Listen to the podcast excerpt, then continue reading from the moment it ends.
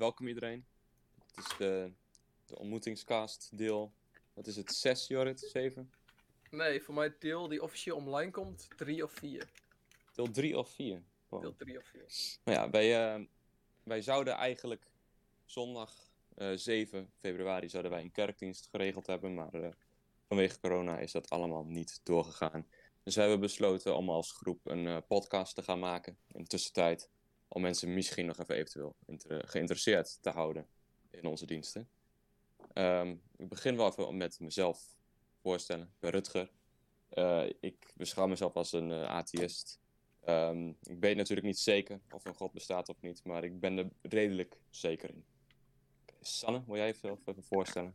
Ehm, nou, ik ben Sanne en ik geloof eigenlijk wel, maar ik heb wel meer steuntje in de rug nodig om het echt te geloven. Ja, hallo, ik ben Rick. Ik eh, geloof ook een soort van half, is vast iets, maar ik denk geen traditionele god. Hey, Ik ben Lotte en ehm, ja, ik geloof ook een soort van, maar ik ben nog wel een beetje zoekende naar wat ik nou eigenlijk echt, waar ik nou eigenlijk echt in geloof. Ik ben Abatja en ik denk dat ik, ik geloof wel, maar ik denk dat het me nog niet heel moeilijk is gemaakt, als ik het zo mag zeggen.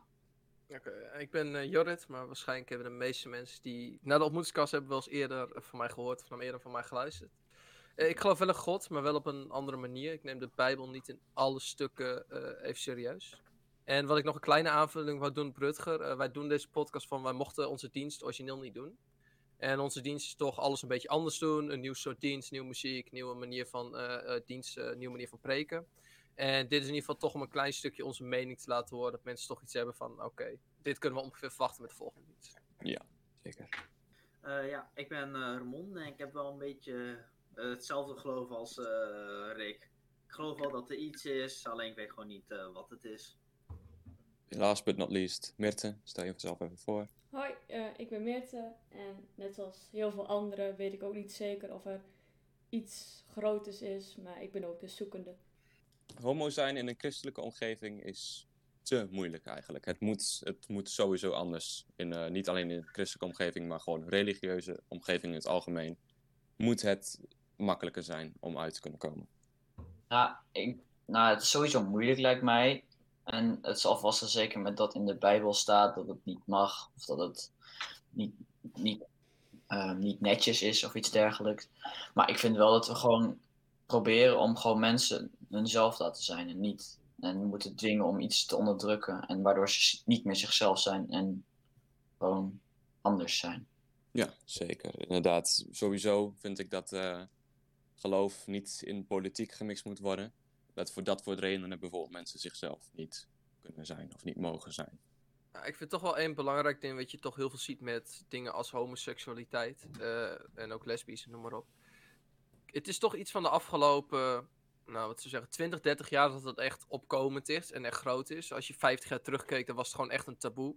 Daar kon je daadwerkelijk nog gestraft voor worden. En kerken lopen in mijn ogen toch allemaal, of tenminste de meeste, toch al wel 20 jaar achter. Plus hebben ze dan een Bijbel die ook nog zegt van het mag letterlijk niet en deze mensen moeten eigenlijk dood. Dat staat erin. En de Bijbel is natuurlijk ook een verouderd boek, laten we heel eerlijk zijn. Maar dat is wel een, een stukje waar ik denk van... Ja, is het goed? Ik denk van niet. Is het moeilijk om aan te passen? Jazeker. Ehm, Ja. ik denk dat het, ja, het is nu wel echt heel moeilijk, vooral in christelijke omgevingen, zeg maar. Maar ik denk dan dat er niet naar de kleine details uit de Bijbel gekeken moet worden, maar meer naar een heel groot deel van de Bijbel. Dat is gewoon van, heb je naaste lief? En dat is gewoon eigenlijk gewoon iedereen, niet alleen de maar mensen het, die... het ding is... Oh ja, sorry, maak, maak we eerst af. Maak we eerst af. Nee, maar zeg maar dan dat mensen gewoon daarnaar moeten kijken en niet ehm, naar de kleine details en daardoor zeg maar afstaffen. Maar dan Ik heb denk je dat wel... we dat door moeten Ja, maar zeg maar. Je hebt wel Leviticus 20, 13, dacht ik. Van, eh, er staat dat als een man met een andere man naar bed gaat op dezelfde manier als een vrouw, moeten ze allebei eh, vermoord worden. En dat Ja, wordt dan gezegd door God. ja. En Ja. als jij spreekt in grote lijnen in de Bijbel, staat er echt wel dat, homo, dat homo's dat het gewoon niet mag. Maar dan moet je ook heb wel je, hebt wel naast de liefde natuurlijk van. Jezus, maar Jezus heeft ook gezegd dat diezelfde wetten nog steeds gelden. Ja, maar je moet natuurlijk ook wel. Ik bedoel, misschien is dat op homo's iets minder betrekbaar dan dat ik zeg bijvoorbeeld dat mannen geen rokken mogen dragen. Ik haal er maar iets bij. Maar je moet natuurlijk wel kijken naar die tijd mocht het echt niet. En in deze tijd komen steeds meer mensen komen ervoor op, vooruit dat ze homo zijn. En ze willen nog steeds christelijk zijn. Of ze willen nog steeds geaccepteerd worden. Maar ook, En ik denk wel dat, dat je daarmee moet proberen om te gaan. Misschien niet heel, eh, ration- niet heel erg, dus in één keer zegt het mag. Maar wel dat je iets meer tolerant moet zijn tegenover homo. Ja, ik ben, denk sowieso dat onze kerk daar eh, Ja, maar onze over kerk algemeen wel... redelijk goed mee omgaat. In ieder geval Sander is. Ik weet niet precies hoe de andere dominees erover gedacht hebben, maar, Ja, maar Sander is er sowieso goed mee omgegaan. laten we zo zeggen, een kerk is meer dan alleen dominees. En Ja. ik weet, de regels zijn, Mhm. je mag eh homoseksueel zijn bij onze kerk zien die eruit getrapt wordt of zo. Maar er zijn wel dingen, je mag officieel niet trouwen bij ons in de kerk. Of in ieder Ja, dat niet het ja-woord ja. zeggen. Nee, oké. En dat is wel een punt waar ik denk van, is Ja, dat goed dat wij dat doen? Nee, dat kan beter, maar het is Het wel... is, er zit ook een generatiedingetje. De mensen die nu de regels maken zijn een stuk ouder. Die komen Ja. uit een vorige generatie waar het toch heel anders was. Ik denk dat dit een probleem is dat bijvoorbeeld over 20, 30 jaar ook in kerken tien keer minder is. Maar het is Ja, ook klopt. toekomst, Dus, homoseksuele. dus het is even tijd nodig, het gesprek moet op gang komen. En als het gesprek er is, dan zal het vanzelf de goede kant op gaan. Mhm. Dat is waar. Klopt. Mirte, heb jij hier iets over te zeggen? Ja, ik vind eigenlijk gewoon dat iedereen gewoon gerespecteerd moet worden. Ongeacht je geaardheid, om zo te, of zo te zeggen. Oeh, dat is een, dat is een hele, hele gevaarlijke uitspraak. Oh, Iedereen oké, moet ik gerespecteerd zal niks meer zeggen. Nee, nee, nee, maar dat is, iedereen moet gerespecteerd ondanks alles. Dat is het ideaal. is wel Dat is ideaal, maar nu kom je wel echt met de deur binnenvallen. Ja, Ja. echt. Ja, Hierbij bedoel Ja, ik niet je- eh pedofielen en dat, dat soort dingen. Nee. Bedoel ik de Oké. LGBT plus community. Je, Nee, maar wat, wat, wat, nee, maar wat, wat als mensen eh pedofiel zijn en toch christen willen zijn? Wat zou je daarvan zeggen? Even een heel ander voorbeeld. Zo, ander voorbeeld. Ehm, ja, nee, ja. Ik ben sowieso niet voor pedofielen, laten we daarop houden. Maar daarom. Maar je bent wel voor homo's. En die mogen dan wel Unpopular in- opinion. Nee, maar het is gewoon best wel, het is, eh, om die in hetzelfde rijtje, dat is heel lullig, maar als voorbeeld, maar je moet wel echt wel uitkijken met dat soort uitspraken. Van, eh, iedereen is welkom, want er zijn gewoon een Ja, hele ik bedoel meer die- in de context van de LGBT plus eh Ja, maar community. aan de andere kant, Moet je dat ook duidelijk maken. als jij als pedofiel in de kerk wil komen, dan is eigenlijk sowieso, als je überhaupt kijkt naar het christelijk geloof, is de enige manier hoe je dat wil doen, is het afsferen. Dat is wel waar. En als Ja, je dat doet, dan vind ik Maar als je- zeker je in mag Als je komen. intentie hebt. Maar als je kijkt naar bijvoorbeeld de katholieke kerk, hoe eh, daar in bepaalde instanties pedofielen eigenlijk gewoon beschermd worden en dan eh, naar andere locaties worden overgezet. Dan, dan, ik denk niet dat er fundamenteel met christendom of met de katholieke kerk zelf iets mis is, maar dan Nee, gaat er wel echt dan iets- is, het vaak, dan is het vaak meer een menselijk ding. achter. Ze mochten, het was toch, wat was de regel? Dat, ze, dat de priesters geen eh, seks mochten hebben met vrouwen of zo? Ja. Of, Ja. Ja, ik weet het niet precies. Maar dan was niet het zeg maar- niet trouwen. Dat waren Het wel toch- dingen. Het was toch een manier om er omheen te komen. En dat resulteerde in eh pedofilie in sommige gevallen. Ja. Ja, het is best wel, het is, ik heb er eigenlijk te weinig kennis van. Dus er is best wel een hele geschiedenis achter waar het ook vandaan komt. Maar ja, maar hoe jij het hebt gezegd is wel Richting die lijnen. ja, het klopt wel. Het Maar dan ook als je, als je kijkt zeg maar, naar hoe het een verouderd boek is. Maar waarom zou het dan verouderd zijn? Als, bedoel, als, als God dan zeg maar alwetend is. Dan zou je toch weten hoe mensen er nu over zouden denken. Ja, maar God zou het dan niet, ongeacht hoe wij erover denken, Dat is een nog steeds verkeerd zijn in zijn ogen? Nee, maar God dat is de Bijbel niet de geschreven. Bijbel. De Bijbel is niet door hem geschreven. Wij schrijven de Bijbel en dat is het hele punt. Ja, Daarom zijn maar we wij, ook zo lullig met van die kutstukjes eruit zoeken. ja, maar daarom, wij, wij, wij vernieuwen constant de Bijbel. Wij de Bijbel constant, als je de eerste variant hebt die geschreven is, kun je niet eens lezen. Dat is plus 1 is Latijns, denk ik. Plus 2, het is op zo'n Ja, manier maar Latijns dat je er geen zak van gaat begrijpen. Latijn of Grieks is in die richting. In de eerste, ik heb dat vanmiddag ook opgezocht. De Ja, eerste. Engelse vertaling staat hetzelfde. Dat, eh, dat homo's moeten worden vermoord als ze seks met elkaar hebben. Maar ik denk ook nog steeds, want mensen zijn niet perfect. Ik denk dat mensen ook de Bijbel uit eigen interesse wel soms hebben aangepast hoor. Ja, Ja, maar als God dan almachtig is, waarom zou hij dat laten gebeuren? Zeg Precies, maar dit, nu gaan we, nu gaan we, nu gaan we tegen atheist versus Christians gebied. Nee, maar ik, ik, snap, ik snap één Ja, punt. mag eh, ik dat je één zegt, keer? waarom zou... Nee, mag ik één keer, dan mag je na. Waarom zou God het laten gebeuren? Heel simpel. We hebben allemaal een eigen keuze. Kijk, Kijk, God had twee kunnen, dingen kunnen doen. Of dingen op de wereld kunnen zetten die geen eigen keuze hebben, of wel een eigen keuze hebben. Maar als je kijkt naar de kerk, het is een inst- instantie geleid door mensen die een eigen keuze hebben gekregen. En de kerk is gewoon ook verschillende manieren in machtposities gekomen waar die eigenlijk niet hoorden. Als je ook in de geschiedenis kijkt hoe de kerk zich heeft gedragen tegenover mensen. Weet je, de kerk is niet per se een mega goede instantie. Oh, Tegenwoordig wel minder. Tegenwoordig Maar zijn zo ze kan je, zo kan je dus niet, in mijn mening zou, zou je het dus niet als Gods woord dan kunnen zien, de Bijbel. Als het zo is geschreven. Nee. Zelfs de stukjes Maar- waar het wel zo staat. Maar hoezo niet dan? Nou, als, in ieder geval van hoe eh Jorten zo zei van, eh, en Ramon. Van ja, het is gewoon door mannen ges- eh, mensen geschreven. En ik, ik snap niet waarom God zijn eigen woord zou toelaten om veranderd te worden in dat soort manieren.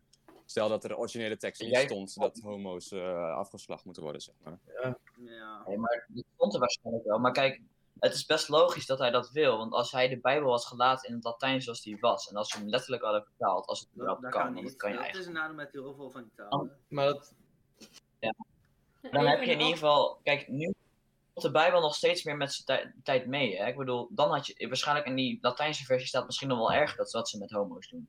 Dat weet jij niet. Dus daar kan je ook niet oordelen of het nou goed is of niet dat ze hebben vertaald. Want de Bijbel moet met zijn tijd meegaan. Ja, Ja, maar als het verandert, dan is het niet meer wat er toen werd gezegd. Dan Nee, verander maar je de- dus de- omdat het anders eh, te slecht is, zeg maar. Nee, maar de Bijbel is in grote lijnen wat, wat, wat, wat de. Bijbel een grote lijn is. Hij is zelfs nog wel redelijk hetzelfde zijn. Het is voornamelijk gewoon woordkeuzes die veranderen, waardoor bepaalde teksten anders kunnen eh, binnenkomen.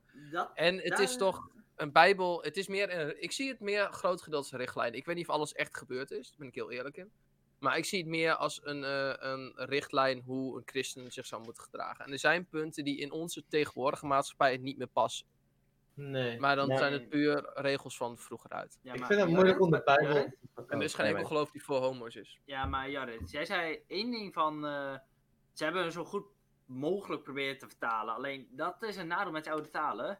Sommige woorden hebben zo'n andere betekenis. Die eh gewoon. Ja, het, ik niet zeg kan- niet dat het per se goed is gegaan. Zoals in Japans. In Japans heb je één woord. Als je dat neerzet, dan, dan betekent dat als je iemand zo noemt, is dat gewoon beter dan je beste vriend. Dat is gewoon. Je bent zo'n goede vriend met hem, dat kan gewoon niet Je beter. BFF. Dat, dat is. Eh, dat is extra. nee, nee, BFF. letterlijk, dat is een onderdoening. Zo sterk is dat woord. Dat zelfs BFF, BFF en zulke shit er gewoon niet bij aankomt. Hetzelfde als eh, gezelligheid. Vertel dat maar naar Ja, het maar dat is met Japans tegenwoordig. Bedenk even wat over 2000 Gezelligheid. jaar dan is gebeurd met vertalingen. Ja, dat is waar. Nee, maar dat is Dat inderdaad. is de. Het is natuurlijk niet voor niks dat mijn vader Latijnse dingen aanhaalt in zijn preken. Ja, want Latijn is gewoon een heel belangrijk Ja. gedeelte. Is Latijn is gewoon letterlijk de. Eh, het is volgens mij niet in Latijn ges- eh, geschreven, het is in Grieks.Latijn of Grieks heel vaak. Het is Grieks. Het is in Grieks? Grieks geschreven. Nou, ik denk Dat- Het Nieuwe Grieks. Testament is Grieks en het Oude is Nee, Hebreeuws, oh. dacht ik. Ja, Nee, nee, nee. Ja, dit is, eh, Misschien dat ooit een keer is vertaald naar Latijn, maar origineel Grieks en Hebreeuws, ja. Ik ga je heel veel onderbreken met deze. Nee, Want, ik ben- weet, je, hebt, gelijk. je hebt de eerste vier Bijbelboeken. En Hebreeuws. die eh, voornamelijk over. Ik bedoel, de eerste vier van het Nieuwe Testament die zijn Ja. geschreven door. eh och, wat is het ook alweer? Johannes. eh, je weet wat die eerste Johannes, vier. Marcus. Lucas. Ja, dat is, dat is het ding. De, Ja, de, maar de dat dingen zijn niet geschreven, dus het maar is de eerste- consensus dat het Nieuw Testament niet door ooggetuigen is geschreven. In ieder geval niet, de, de Nee, me- maar als je meeste niet. kijken naar die boeken die geschreven zijn, voor mij, ik weet niet meer welke de eerste was. Dat is de kortste. Voor mij is dat Matthäus. Maar elk boek is voor een Ja. verschillende doelgroep geschreven. Dus één gedeelte voor de eh, Syrische christenen, één gedeelte voor de eh, Turkse, dat gedeelte, een Griekse en een Romeinse versie. Dus ik ga ervan uit dat de Romeinse versie in Latijn was, de Griekse in Grieks. De Syrische zou ook wel Grieks zijn geweest. Maar op die manier, ik denk dat het boeken in De- veel verschillende talen zijn geschreven. De ik weet niet meeste exact. waren volgens mij gewoon Grieks. Misschien dat er eh, een paar zijn vertaald naar het Latijn. Ja, maar ook heel, veel, ook heel veel zijn in het Hebreeuws geschreven. Maar Maar dat het weten we originele, weten wat- hoe ver wij weten, het originele Nieuwe Testament was Grieks, dacht ik. Voor Zover mij dat, heb eh, je- ja, dat- Matthäus het originele boek. Onderwerp.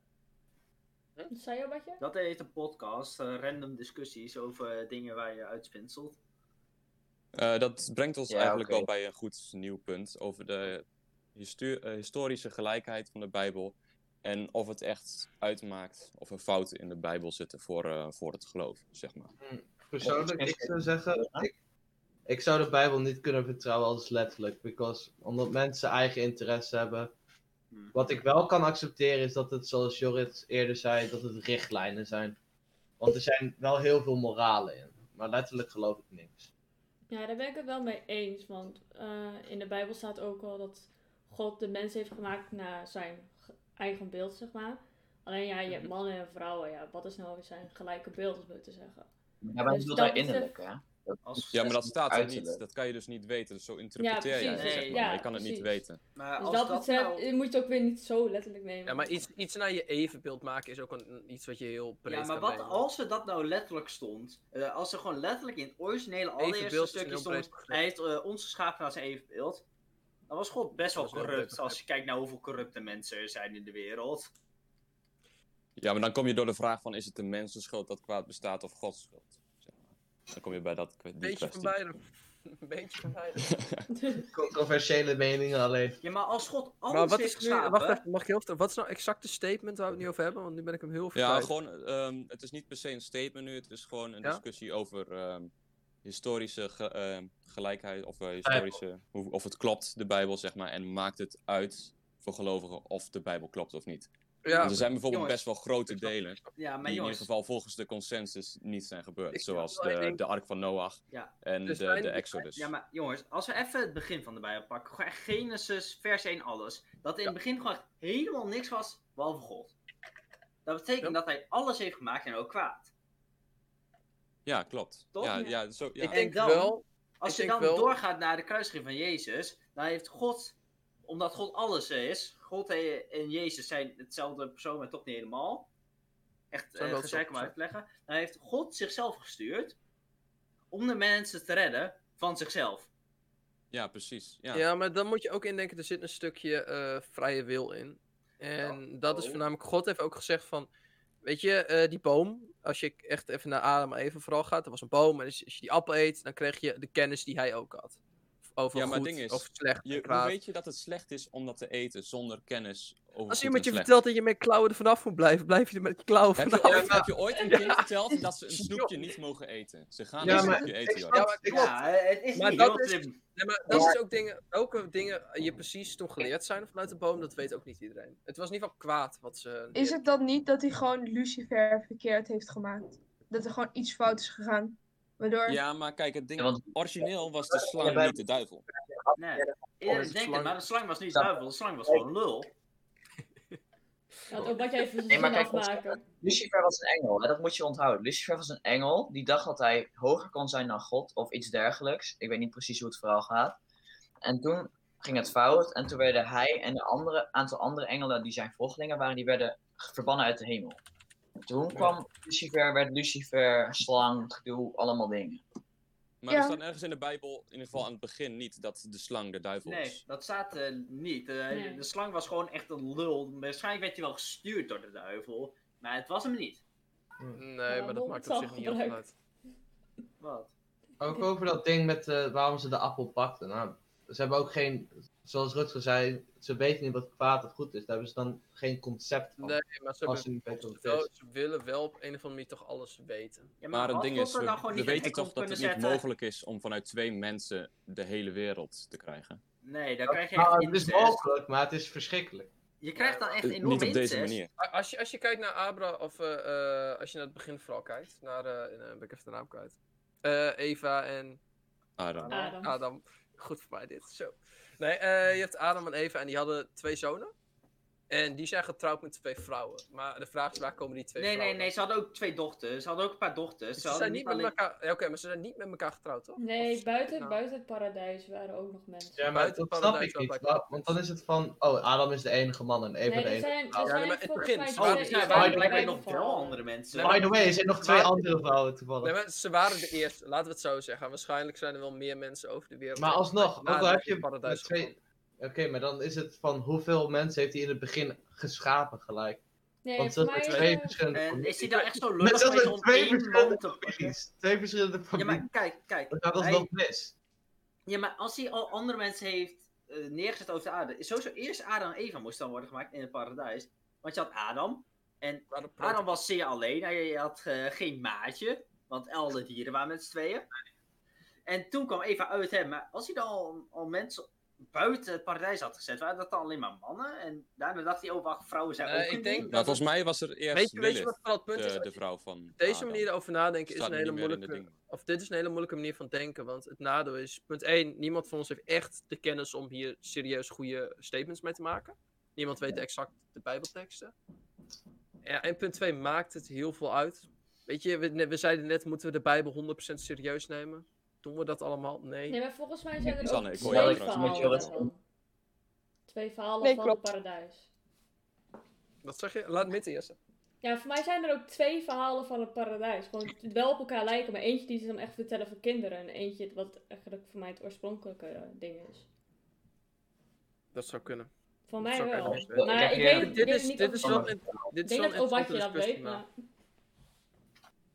Ja, je hebt natuurlijk wel, dat- aan kinderen vertel je natuurlijk de makkelijkere versie, maar het idee komt wel over het algemeen op hetzelfde neer, zeg maar.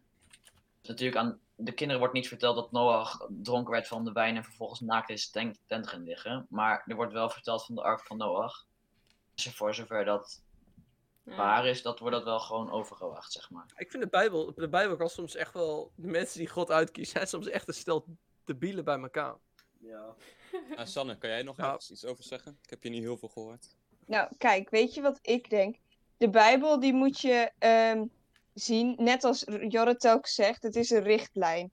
Het zegt dus iets van wat je moet doen, maar het is niet dat iedereen interpreteert dat anders. Dus laat me zeggen, eh, heb je naaste lief.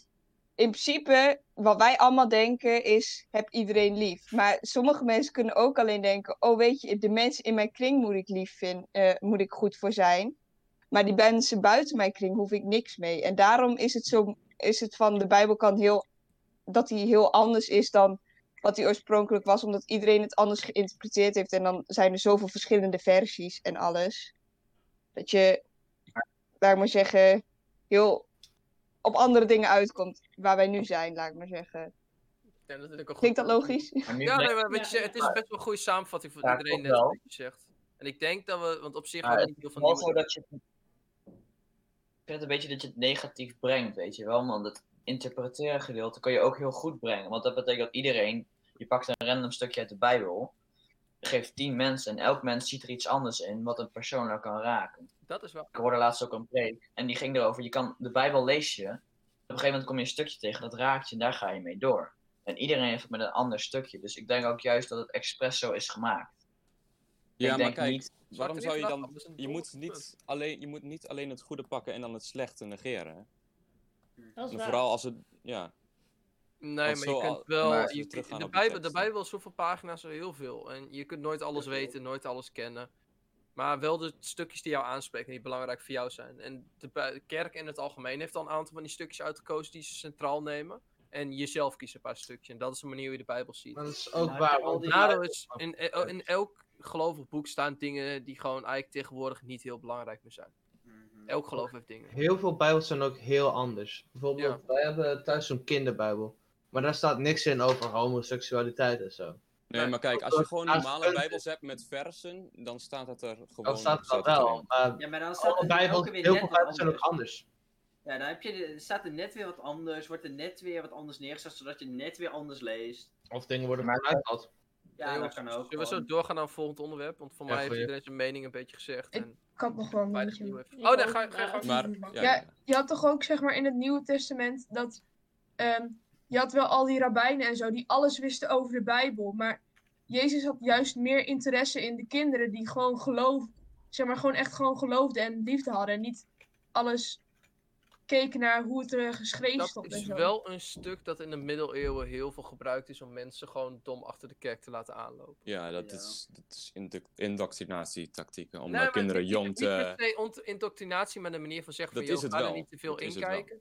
Wel een klein gedeelte, maar het is ook vanuit de goede kant gezien. Ja, Want maar ze eh, hadden ook het voordeel van kinderen, kinderen hebben een, eh, of als je dan echt het bijvoorbeeld kinderen pakt, kinderen hebben een makkelijke manier van denken, een eh vrijere manier van denken. En die kunnen op die manier veel makkelijker ook met geloof bezig zijn. Ja, maar dan ben je dus niet sceptisch bezig. Het is, in ieder geval, ik vind het belangrijk om Nee, er sceptisch over bepaalde dingen heel sceptisch te zijn en niet sceptisch te zijn. En heel sceptisch kun je nooit geloven en niet sceptisch kun je niet geloven. En in het midden zit je, dan zit je rond een goed punt. Denk ik. Nou, ik denk wel dat ik het met Lotte eens ben eigenlijk. Want Lotte, ik weet niet of je dat probeerde te zeggen, maar wat ik ervan maak, van wat jij zegt, is zeg maar, je moet niet kijken naar Bijbel en of het nou serieus is of niet. Je moet het gewoon lezen als je dat wil. En je moet eruit halen wat er voor jou, wat voor jou bedoeld is. En de rest, leave it. Als je er al met z'n allen discussie over gaat voeren, je komt er toch nooit uit. Dus maar waarom, ik denk ook zou dat je alleen kiezen wat voor jou belangrijk is en de rest negeren? Want dan Ja. negeer je dus eigenlijk de rest van Gods woord. Niet de rest negeren, maar de rest, je moet er niet discussies gaan hebben het letterlijk bedoeld is of niet. Je moet eruit halen wat jij eruit kan halen. Of als je dominee bent, dan haal je eruit wat je anderen kan meegeven. Maar het is niet de bedoeling dat jij discussies gaat houden of er echt ooit een ark was. Wat iedereen probeert te bewijzen, maar wat eigenlijk best wel onzin is dat je dat probeert te bewijzen. Want het is gewoon, het idee is, de mensen waren op een gegeven moment gewoon zo zondig. En God die dacht, ik wijp ze oud. En toen dacht God, dat doen we nooit meer. Dus uiteindelijk het idee van, God, dat doen we nooit meer. Dat is waarschijnlijk het echte punt achter de ark van Noach. Niet of er ooit een berg is geweest waar een duivel op zit. Wow, cool. Ja, mee, maar dan negeer je dus het grote punt dat er massagenocide is geweest. Ja, En- dat is hetzelfde als je zegt, Ja, en eh, om even heel is juist erg... dat God daar spijt van heeft. En dat God nu laat zien, dat doe ik niet meer. Nee, maar extreem voorbeeld. Stel je voor, je kijkt bijvoorbeeld heel extreem voor Stalin. Kijk al het ijzer wat hij heeft gewonnen. Maar aan, er is ook een duistere kant hoe hij daaraan is gekomen en wat er is gebeurd daarmee. Ja, dat, volgend zelfs- punt. dat, Niet is- echt dat kun je hetzelfde doen met Duitsland. Oh, ze zijn nu zo vredig en helpen Europa voort. Als je gaat kijken naar wat ze hiervoor Maar hebben dit, dit gedaan. is wel een beetje een afdaan. Maar dit is wel een manier van Ja, ja. denken die iedereen... Iedereen denkt natuurlijk op zijn eigen manier. En bepaalde punten, ja... Als je echt... Er zijn wel mensen die mogen veel kennis hiervan hebben. Als je wilt discussiëren over de ark en zo... Dan zou je andere mensen moeten vragen die daar gewoon een stuk meer kennis van hebben. Oh, Want is het vooral het punt... Nu ga je dingen bedenken, dingen inschatten waar je niet zeker weet. Dus dan wordt het lastig. ja, maar, nee, maar het is wel. Maar ik snap- ik snap je manier van denken, maar bestaan, daar hebben zeg maar. Dat is toch wel de, de Ja, daarom. Dat, dat is wel een manier van denken. Dat, in ieder geval, het is niet. Zover het we Hoe je ernaar is het niet. Want ik zeg ik haal uit dat verhaal haal ik dat God spijt heeft en dat hij nooit meer zal doen. Jullie halen uit het verhaal dat hij massagenocide heeft Maar waarom zou, waarom God spijt krijgen als hij van tevoren al weet wat er zou gebeuren, zeg maar? Precies wat ik nu zeg, doe je, herhaal jij letterlijk. Jij haalt eruit dat God een Nee, massagenocide ik haal, heeft nee, jij haalt eruit dat God spijt heeft gekregen. En ik vraag, hoe kan Ja. een perfect goed wezen spijt krijgen van iets? God is gemaakt naar evenbeeld, is dus niet Ja, ultimate. God, God is gemaakt naar ons evenbeeld. Dat is een goede. Ja, Ja, maar-. Nee, maar dat is toch zo? ja, het Ja, is, ja. Weet je, Ja, en wij, hebben hele goede punten, maar wij hebben ook dingen geleerd die iets minder zijn. En ook God weet die dingen. Maar in het kort, is het belangrijk of, de, of wat er in de Bijbel gebeurd is, echt is gebeurd? Ja of nee? Voor jullie zelf. Nee, want heel veel is symboliek in de Bijbel. Dus, Nee, maar het is wel interessant om erover te lezen. Oké, dan gaan we even naar het volgende punt. Even kijken. Ehm, evolutie ehm, moet eigenlijk in een basispakket van school zitten. Als je over biologie hebt, moet, moet, bio, of moet eh, evolutie langskomen. Zit dat er niet al in?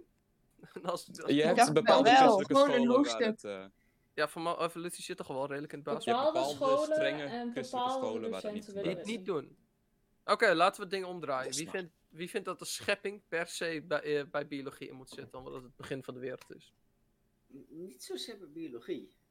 Dat zou ik eerder bij Nee, godsdienst ja, eronder gooien. Bij godsdienst gooi je dat erin. Maar eh, voor hun is dat het begin van de wereld. Voor hun is dat het echte, echte wat gebeurd is. Dus die willen niet Ja, verkeerd. maar dan moet je voor biologie moet je iets anders erin doen. Bij biologie of geschiedenis, dan moet je de evolutietheorie erin doen. Ja, maar ik geloof gewoon als ik naar scholen kijk, scholen moeten een algemeen beeld van de wereld geven. Ook al ben je christelijk, het kan best wel goed zijn. Je mag je mening aan iemand vertellen, maar je Ja. moet een open instelling hebben. En iedereen alle kanten van het verhaal laat zien om zelf een eigen mening te pakken. Precies. Maar wie gelooft hier zo- niet in de evolutietheorie? In ieder geval. Ik geloof wel in de evolutietheorie. Ik denk Ja, dat de evolutietheorie een hele goede combinatie met de Bijbel is. Ja, Weet je- vind je dat? Ja, Ja, 100%. Dat kan ik Ja. ook uitleggen. Punt 1. De Bijbel, niet alles wat er staat, geloof ik of neem ik even serieus. Eh, wereld geschapen, vier- eh, 4000 jaar, kan niet. Maar, als we het omdraaien, wat is vi- 4000 jaar voor God? Is dat miljoenen jaren voor ons? Who knows? En er zijn gewoon bepaalde gedeeltes die best wel heel goed overeenkomen. Van, God heeft ons de vrijheid gegeven, daardoor zijn ook dingen ontstaan, zijn dingen geëvalueerd, met een stukje hulp waarschijnlijk. En ook het ontstaan van de wereld eh, staat in zeven dagen, maar het kan ook die zeven dagen voor hem kunnen voor ons 100 jaar zijn, wat het verschil is echt in zit. Ik denk wel dat en hetzelfde, de Big Bang, ja, kwam niet vandaan, ja, dat weet niemand. En dat is het punt waar mij de link ligt van, oké, jullie weten niet waar vandaan komt. Ik wel, en ik geloof er ook in. Zeg je Ik dan dat denk heel veel. ik ben? Mhm. Sorry Lotte. Wat, zeg- wat zeg je? Zeg je daarmee ook dat je niet gelooft in de Big Bang of wel? Want dat punt mis ik Wel, wel, juist wel. Ik denk dat hij het begin van de Big Bang is. Maar het ding is, evolutietheorie en de oerknal zijn dus wel bewezen. Ja, ja, maar daarom, ik ontken ze ook niet. Zeker. Ik heb, hoe heet dat? Er is wel zo'n dingetje. Heel veel getallen in de Bijbel, eigenlijk bijna alle getallen in de Bijbel, zijn symbolisch bedoeld. Dus Maar waarom hoe zouden kijk, die dagen in het begin hoe kan dat niet zijn? weten? Hoe kan je weten of het symbolisch is bedoeld of niet? Dat is alleen, oké, terug- we weten nu dat het niet kan, dus moet het symbolisch Nee, bedoeld maar zijn. omdat het mega vaak terugkomt. Symboliek is gewoon iets wat veel terugkomt met een achterliggende betekenis. En dat kun je uit die stukken tekst wel uithalen. Dus daar moet ik Lot van gelijk geven. Oh, dit is een leuke discussie, hè? Nou iedereen even Bepaalde getallen komen ook heel vaak terug, zoals 40, 3 en Zeker. 7. 12. 666 al. Maar heeft iemand die nog niet eh, veel heeft gezegd hier nog verder eh, iets op in te brengen? Sanne. Sanne, Mirte. Hey, Hey, Sorry, Sanne. Ramon. ik weet alleen dat Ramon Rutger zijn wel huiswerk goed heeft gedaan. Ja, zeggen. punt Rut heeft zijn huiswerk kunnen doen. En wij moeten Rutger gewoon heeft zijn huiswerk kunnen doen, want ik herken de godsdienstlessen hierin. Oké, hoe? Nou, je gaat letterlijk over de evolutietheorie praten, wat we ook hebben gehad bij de godsdienst de laatste lessen. Ja, maar En dat- in de dat toets kwam het ook voor. Dus ik dacht van, ja, wat Ja, maar, maar la- laten we naar het punt gaan. Mag een christelijke school mensen verbieden om bepaalde, eh, of, eh, bepaalde vakken te volgen? Want dat is wel interessant. Ja, of moet, moet het, of het nou met het wereldbeeld ingaat of niet, moet het geleerd worden aangezien het waar gebeurt, dus evolutietheorie. Nou, je moet Ja, maar het vooral als je tegen iemand, als, je, als bijvoorbeeld de regering zou zeggen, iedereen moet de evolutietheorie kennen, dan zou je vanuit de kerk ook het argument, maar waarom moet er niet iedereen ons verhaal kennen? Hoezo weet je? Ja, nou, omdat dat niet bewijzen. Het- je kan dat niet bewijzen. Ik zou zeggen, Ja, laat ze beide leren. eigenlijk- Laat ze, als ze ze beide leert, kunnen ze zelf kiezen wat ze willen. Weet, weet je zit- hoe dat wel werkt? Als je zegt, niet zeg maar het op één kant stuurt. Dat er eentje helemaal goed is en er eentje helemaal fout. Dat je een neutrale positie opstelt voor beide. Maar voor mij, Nee, klopt, maar dat toch wel? De evolutietheorie is iets wat bewezen gebeurd is. En het verhaal van de Bijbel, zeg maar, niet. Sommige mensen halen hun bewijs ook uit de Bijbel. Dat Ja, dat is dus het ding. Daarom denk ik ook dat juist alle scholen een eh, zeg maar, godsdienst moeten eh, hebben. Of levensbeschouwing. Ik denk, ik denk Want- dat godsdienst of levensbeschouwing inderdaad sowieso belangrijk is, ja. Want nu hebben cultureel. vooral, ehm, nee, vooral eh, christelijke scholen. Want als je ook basisscholen hebt, die hebben meestal geen eh, godsdienst in hun basispakket zitten. En Terwijl ik denk dat dat belangrijk Nee, ook is. geen levensbeschouwing zo aan het einde. Ik denk wel dat een godsdienst een heel belangrijk vak is, maar niet alleen om christendom te leren, maar ook eh, hindoeïsme, moslims, om dingen gewoon iets meer te begrijpen. Ik vind alleen niet Ja. dat het als waarheid, zeg maar, overgebracht moet worden. Het is gewoon, oké, deze cultuur Nee, maar dan, geloven vind ik ook dit, alleen zeg maar. alle gedeeltes die niet bewezen zijn van de Big Bang eigenlijk bijvoorbeeld ook niet als waarheid moeten worden overgebracht. Want er Ja, maar het, ding is, het, dan weet je dus niet wat een theorie is in wetenschappelijke wijze. Dat is hoe, zo dicht bij een feit wat er kan komen. Er zijn Ja, geen feiten wel. in wetenschap, een wetenschappelijke theorie. Eh, het, het is een theorie omdat er misschien altijd nog dingen eh, bij kunnen komen, zeg maar. Omdat Ja, ze nee, openstaan voor verandering. Ik snap Maar het. Obatja, Weet wou dat- jij iets zeggen? Volgens mij heb ik de hele tijd dat jij eh, net iets wil Ja. zeggen. Maar dan... Ik val een beetje weg. Kijk, ik denk dat je het vak godsdienst moet brengen als je geeft het Bijbels verhaal en je zet de evolutietheorie erover en tegenover en je laat ze vergelijken. Je ge- geeft het Bijbels verhaal, je zet het islam er tegenover, dergelijke dingen. Ik vind dat je mensen moet laten, je moet ze niet leren, je moet ze het zelf laten doen en je moet ze zelf laten ontdekken van wat vind ik, wat vind ik hiervan, hoe zit die vergelijking voor mij, wat denk ik hierbij. Dat vind ik dat je dat moet doen met godsdienst. Je moet mensen de vrije keus geven om zelf uit te halen, weer eruit te halen wat ze eruit willen halen. Ja, er zijn nog echt mensen die hele aparte meningen over dit onderwerp hebben, echt nieuwe dingen. Nou, Ik heb wel een voorbeeld, zeg maar. Want er is Nou. namelijk een hele goede aanpak, denk ik, van onze godsdienstdocent. Die onze eerste les begon met, een, met zijn verhaal over de zomervakantie. Dat hij naar Amerika was geweest. Ja. En zeg maar bij die lange weg bij Area 51. En toen heeft hij dus zijn familie laten geloven in aliens. Ook al wist hij zelf dat, dacht hij zelf dat aliens niet bestonden. Toch heeft hij het voor elkaar gekregen om die me- eh, om zijn familie in aliens te laten geloven. Dus dat betekent, het hoeft niet per se waar te zijn om erin te geloven, zeg maar.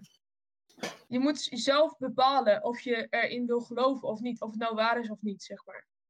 Maar op bepaalde stukken, zeg maar van, ik geloof niet dat 1 plus 1 2 is. Dan kan je op dat soort stukken ook eh, uitkomen.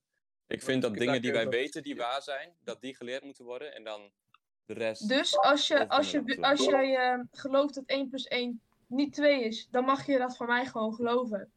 Ja, dat mag je Maar ik geloven, weet- alleen het is Ik, intellectueel ik weet niet, dat het niet eh, waar Het is is. niet handig, maar er zijn misschien wel manieren op dat je anders rekent dat 1 plus 1 geen 2 is. Maar dat is wiskunde. Daar weet ik niet genoeg vanaf om daar helemaal op in te gaan. Maar er zijn manieren Maar- om wiskunde anders te zien. Is het, ik weet niet of het zo is, het kan best zijn dat het zo is, maar is er echt bewezen dat de evolutie, met zeg maar echt genoeg wetenschappelijk bewijs, Ja, anders was het geen eh, theorie geweest. Het, is, het begint zeg maar als een eh, hypothese, dacht ik. En dan eh, wordt het, het is ook, je hebt peer review zeg maar. Dan gaan ehm mede-wetenschappers gaan het reviewen, zeg maar. Die gaan bekijken van, oké, eh, is dit onzin, is dit niet onzin? Je hebt de fossielen, je hebt het DNA. Ehm, je ziet, evolutie zie je praktisch gezien eigenlijk wel gebeuren. Ook met bijvoorbeeld eh, graan. Als je meer graan krijgt per eh, ding, dat heeft ook met natuurlijke selectie zeg maar, eh, te maken. Dat je zelf selecteert wat wel en niet eh, geplant wordt. Dat soort dingen. Maar ik bedoel, als je het interessant vindt, kan je het eh, wel op zich opzoeken. Zijn ook alleen niet anti-evolutionaire sites opzoeken. Gewoon neutrale sites die er dan iets over te zeggen Ja, maar alles, een school, net wat ik in het begin zei, een school moet een, natuur, een, neutrale manier van denken hebben en alle opties geven. Maar dat is voor bijvoorbeeld een leraar wel ik. Hoe kun je een goede neutrale optie geven als jij bijvoorbeeld het ene wel, niet ben, wel mee eens bent, niet mee eens bent? Maar in ieder geval waar Lotte het net over had, zeg maar, vooral van aliens. Wat, eh, wat denken jullie erover? De mogelijkheid, hoeft niet per se UFO's dat allemaal te zijn, maar de mogelijkheid van buitenaards wezen. Het zijn planten, bacteriën. sowieso. Ja. Laten we eerlijk zijn, als het universum zo moker groot is en wij hebben nog 0,000 Er is- kans, dan moet er wel iets zijn. We hebben nog Er is niet... ook een theorie dat, ehm, dat eh, de Egyptenaren, zeg maar, dat, eh, dat die eerst zijn geleid door eh, aliens. Ja, maar Ze dat is geen de- wetenschappelijke theorie, hè? daar moeten we niet door elkaar Piramides hebben zij in het precieze midden van de aarde gebouwd, zeg maar. De, van de Giza of zo, ik weet even niet hoe die heette. Ik geloof niet En dat... op- dat- maar, de- ja, Die plaatjes werden alle farao's altijd anders afgebeeld, zeg maar. Ze hadden geen normaal gezicht en zo. Dus het was helemaal een theorie. Je mag er zelf in geloven, maar ik doe dat eigenlijk niet. Ja, maar dat is geen wetenschappelijke theorie. Dingen zoals de evolutietheorie, dat zijn wetenschappelijke theorieën. Maar als je zegt, ik heb een theorie dat, eh, dat mijn baas mij haat of zo, dan is dat geen wetenschappelijke theorie. Dat is het gewoon Er niet een grote kans. Want als wij nog maar 5% van de oceaan op onze eigen aarde hebben onderzocht. ja, ik denk dat ik- hoeveel er nog meer is in de ruimte. gewoon als je er zijn- logisch gaat denken, moet het er wel zijn. Ja, Eh, kijk, er het- zijn het is zo- zoveel eh, planeten die lijken op aarde. Dat je, en we hebben nog zoveel niet ontdekt. Dan denk je, zijn dan, wij dan echt de enige in zo'n groot iets? Nou, dat kan De, grotere niet. vraag is, is er intelligent leven? Dat is, dat is de grotere vraag. Al zit Het- het, het niet zou in kunnen ons gebeuren. zonnestelsel, Het zou dan kunnen zijn er gebeuren, maar, zoveel. maar Sanne, heb jij nog iets over hier te zeggen? Je bent Nee. alweer heel stil. Nou, kijk, weet je wat het is? Jullie zijn allemaal super duidelijk. En dan is er eigenlijk. Heb ik niet in te brengen, want ik kan niet zoveel slimme dingen verzinnen. Ik heb het net van de 5% oceaan, Sanne, het is oké. Oké, thanks. Maar Fijn. Voelt me beter. wij hebben zo'n eh TED-talk gekeken met godsdienst. Ook, ook gewoon over de... Volgens mij was het over de oerknal of zo. Ja, die heb ik Maar daar zei hij ook van, ja, wij zijn een zonnestelsel in een grote melkweg met heel veel zonnestelsels. En daarnaast die melkweg zijn nog veel meer, veel meer grote universums, zeg maar. Dus we hebben echt nog lang niet alles ontdekt. En ik denk dat er ergens wel leven moet zijn. Ja, maar dat is ook logisch. Is Intelligent leven is een tweede. vraag gebaseerd op kwestie van geloof, hè? Want er Ja, is nog ook niks basis- bewezen. Er is niks bewezen, maar als je... Ja, weet je, het is aliens en geloof zijn toch twee dingen die je is- moeilijk bij elkaar te brengen vindt. Maar dat is wel een stukje statistische mogelijkheid is en waarschijnlijkheid. Kijk. God heeft een gigantisch universum gemaakt. De kans dat iets anders gemaakt is. Dat is. Dat is hetzelfde als de vraag of ik denk dat er een god is. Nou, ik weet niet. Is er, is er, eh, volgens mij statistisch, er zo, statistisch is er een grotere kans dat er geen god is. Maar wij geloven er toch in. Dus, ja. Klopt, maar als ik 0,0001% van iets weet, dan gok ik dat in een andere gedeelte waarschijnlijk nog wel iets hetzelfde zit. Dat is mijn idee erachter. Ik ben het met je eens. En ik denk, ik denk ook wel, ik ben het ook wel met jullie eens. Maar ik vind het nog steeds wel dat het iets is waar je niet dat niet een per se een discussiewaardig onderwerp is. Ik denk eigenlijk meer wel, dat, ja. dat God een soort van manier van leven is. In plaats van een persoon of een ding of zo, zeg maar. Ik denk eerder een gevoel. Waarschijnlijk Ja, een zeg maar een- Gewoon een vibe, een- zeg maar. of Wat een doel. een vibe? Ja, een. Of een doel om zeg maar naar te leven. Om zeg maar. Dan heb je in ieder geval nog een doel aan je leven. Om iets te doen. Want eigenlijk heel, dat is wel wat mensen zochten. Mm, Klinkt Denk heel ik. Ik ben het met je depressief, eens. sorry. Ja, maar je kan je doel zijn meer bedacht om- Oh, sorry, ga maar. Goden zijn bedacht om dingen die wij niet begrijpen te verklaren, zoals regen of dat de zeeën beweegt. Ja, eh, hoe het beweegt had. Waarschijnlijk gewoon een god. Zo zijn goden origineel bedacht. Dan dachten we vroeger ook dat eh, bomen goden waren en zulke shit, wat natuur, natuur. Uiteindelijk is dat gewoon een beetje verkleind naar mensen. Uiteindelijk eh, naar één, zoals de meesten nu hebben. En dat is gewoon een beetje.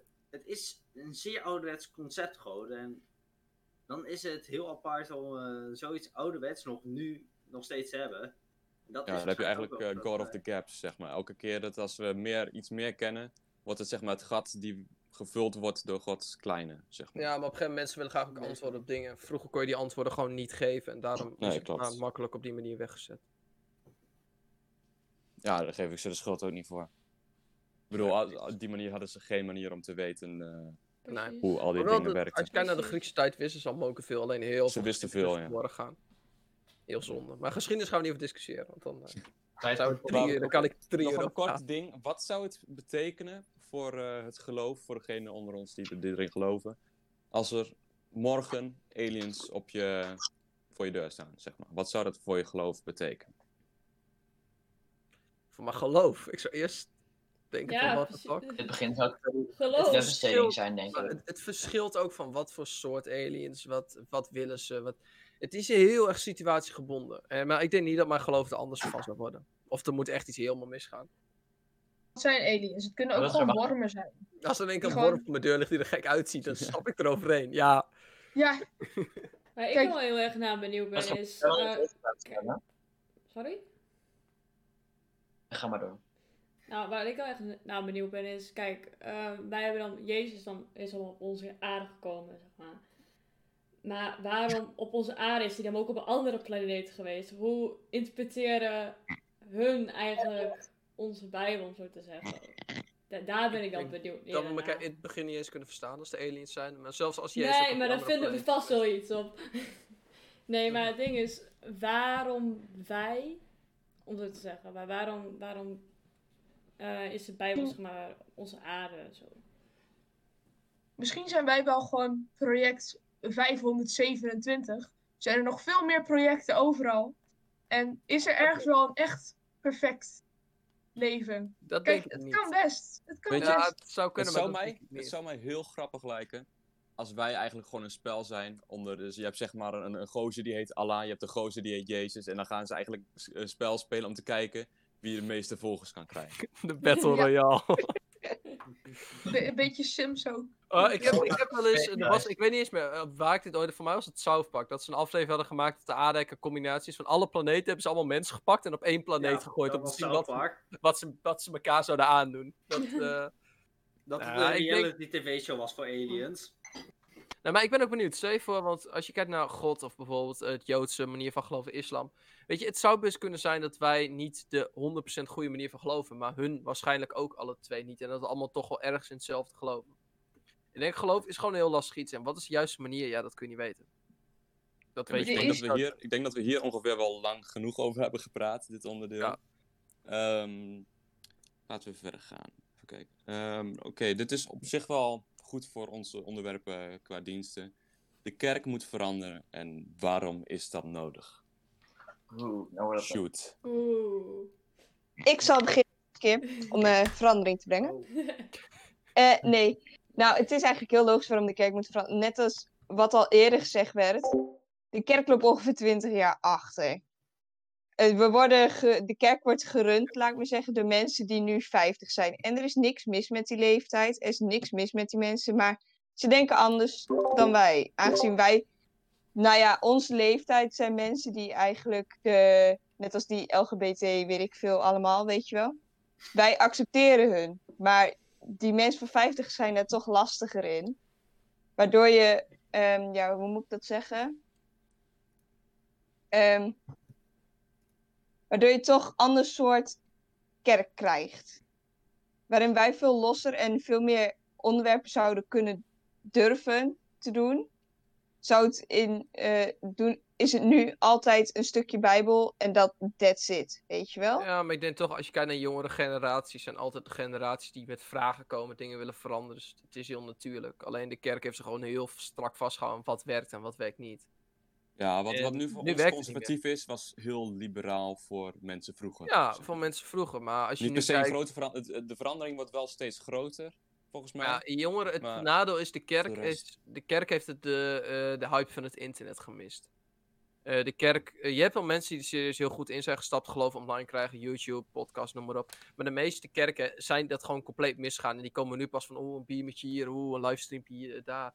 Maar dat is gewoon nu te weinig. En dan moet je best wel knallen om het geloof toch nog door te zetten. Want het is wel iets wat ik denk belangrijk is, wat er doorgezet. Maar niet op de manier hoe ze het nu doen. Want mensen gaan gewoon weg, omdat het, niet omdat het niet interessant is.